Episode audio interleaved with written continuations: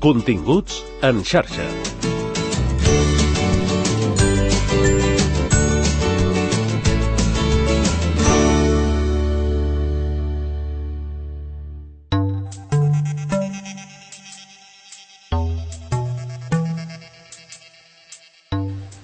El sector tèxtil i el de la construcció produeixen una part molt important de les emissions de diòxid de carboni i dels residus que genera l'activitat industrial. El tèxtil produeix 90 milions de tones de residus tèxtils que acaben incinerats i el sector de la construcció un terç de les emissions d'efecte hivernacle a tot el món, el 7% de les quals corresponen a la producció de ciment.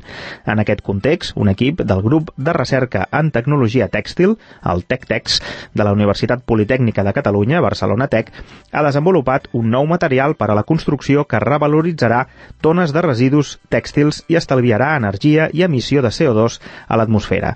El nou material millora les propietats del fibrociment, és molt resistent, més flexible que altres materials de construcció, és ignífug i contribueix a reduir significativament l'impacte mediambiental.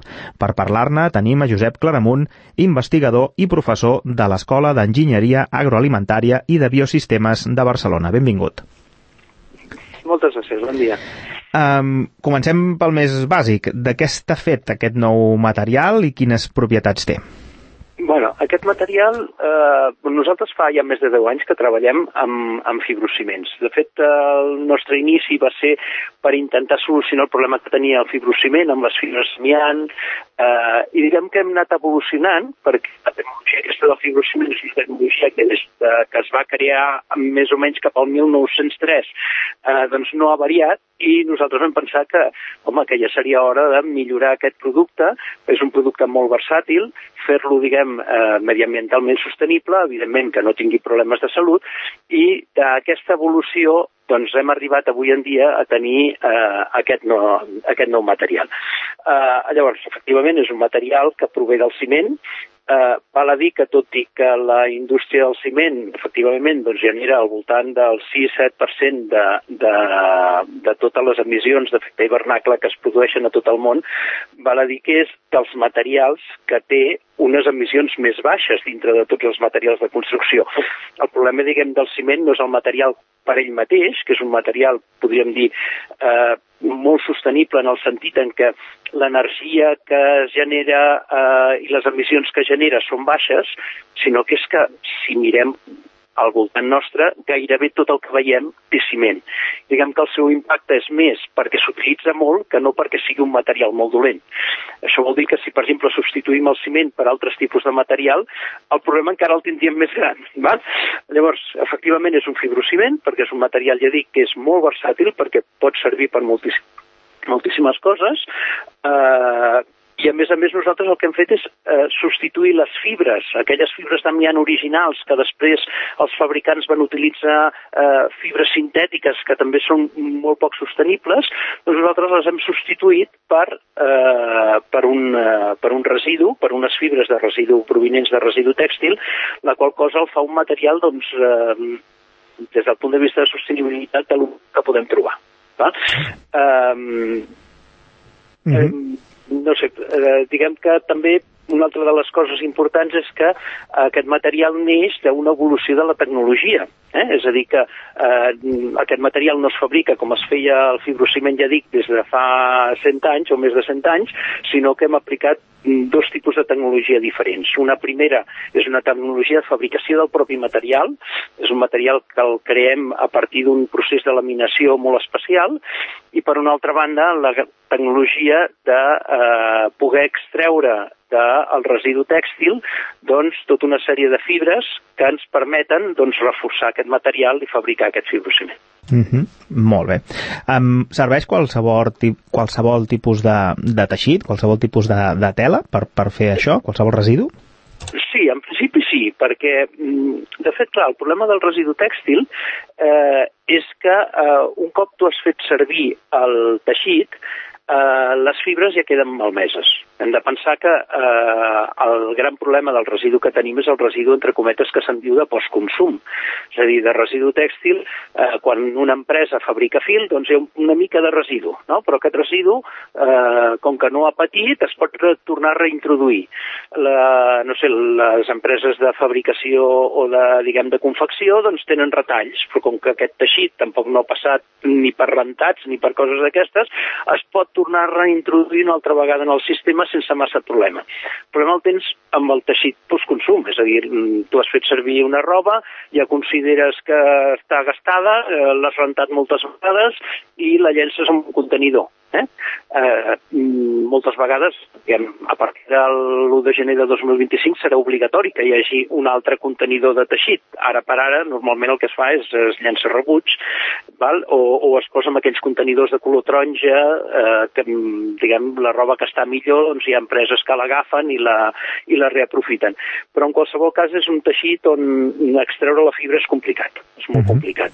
I llavors la fibra queda molt curta o més curta del que és necessari per eh, poder fabricar fil una altra vegada. És a dir, per poder fabricar fil necessites fibra llarga. Però clar, si tu quan extreus la fibra d'un vestit o d'una roba postconsum resulta que et queda mm, feta malbé i tens la meitat de longitud, doncs amb això ja no pots fer fil i per tant no pots reintroduir-ho. Llavors, diguem, amb aquest sistema el que aconseguim és aprofitar aquesta fibra més curta que a nosaltres ja ens va prou bé i eh, incorporar-la en, un, en un sector on, mm, diguem, la possibilitat de col·locar residus és molt gran. Val? I d'aquesta manera pensem que, que podem, que podem uh -huh. millorar molt la sostenibilitat de, de, de tots dos sectors. Eh? Molt bé, perquè en, en el camí, diríem, de, del fibrociment, um, ara explicava, no? el fibrociment amb amiant, que després s'ha vist no? que, que, sí. que, que ha sigut cancerigen, etc tots els problemes que hi ha hagut, s'està uns plans de retirada d'aquests fibrociments sí. que encara n'hi ha moltíssim instal·lats a, a, a, a Catalunya, però, però a tot arreu, etc.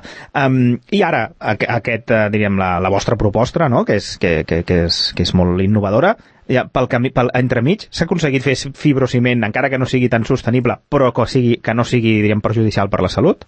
Existeix? Sí, sí, sí, sí, eh? sí. O sigui, a veure, les empreses, quan, quan eh, per exemple, aquí a Espanya l'any 2000 va ser l'any de la prohibició de la utilització de l'amiant en material de construcció. Doncs, clar, les empreses ja es veien a venir el cop. Val? Eh, llavors, clar, és un sector que va patir moltíssim perquè, eh, diguem, van haver de substituir una part important del procés per altre tipus de fibres. Val? I llavors hi havia com dues alternatives. Una primera alternativa va ser utilitzar fibres vegetals del tipus de la pasta de paper, eh, diguem, el mateix tipus de fibra que s'utilitza per fabricar les caixes de cartró, aquest, eh, aquesta, diguem, aquest cartró de color així marronós, doncs aquesta fibra d'un nom que és pasta craft, doncs molts fabricants van, van, van, eh, van apostar per aquest tipus de fibra, però no va acabar de funcionar massa bé. I llavors van utilitzar fibra sintètica. I clar, la fibra sintètica que prové de derivats de petroli, doncs home, sostenible no, no ho és pas, no? Però, diguem, es van mantenir fabricant una certa quantitat. Llavors, clar, el sector aquest va patir tant que, eh, de fet, el que va passar és que mm, pràcticament totes les fàbriques de fibrociment del món van passar a unes úniques mans, que va ser una empresa mm, que és la primera que va apostar per fibra sintètica i, per tant, és la que va aguantar millor tot el cop, que és l'empresa Etex, que és un grup belga. Eh? Fins i tot, per exemple, aquí a Espanya teníem fàbrica de fibrociment a Castelldefels, que hi havia la Rocalla, la de Cerdanyola, que era Uralita, que a més a més tenia fàbrica a Madrid, a Sevilla i a Valladolid. Doncs bé, totes aquestes empreses eh, van plegar i l'única que queda avui en dia, que va ser l'única empresa que va comprar el grup ETEX aquí a Espanya, que és la fàbrica que tenen a Valladolid.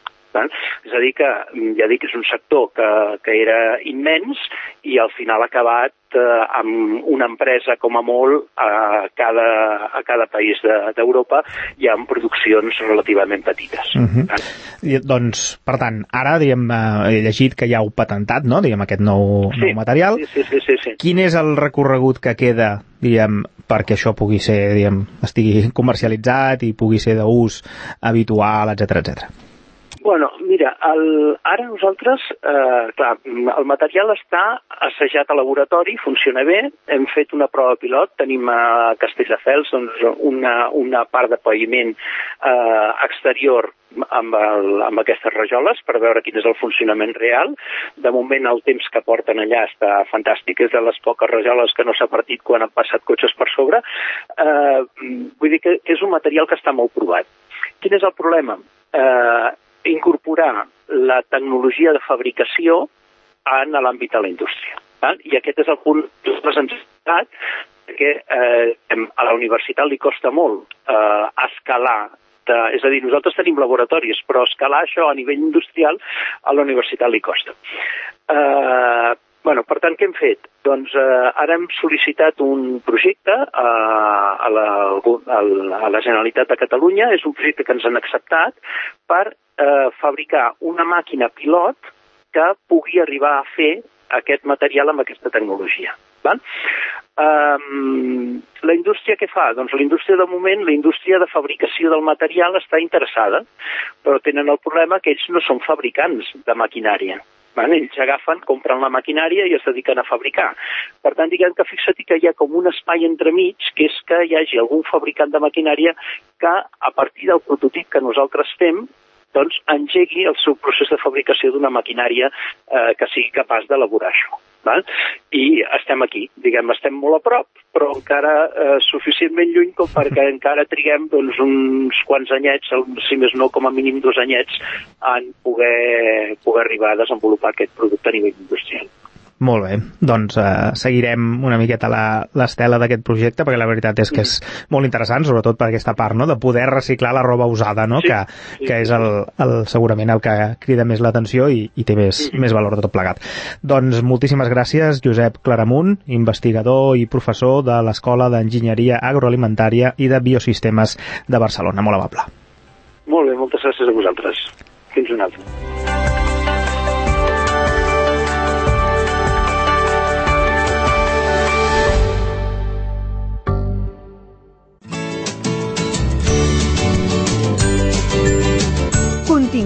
En xarxa.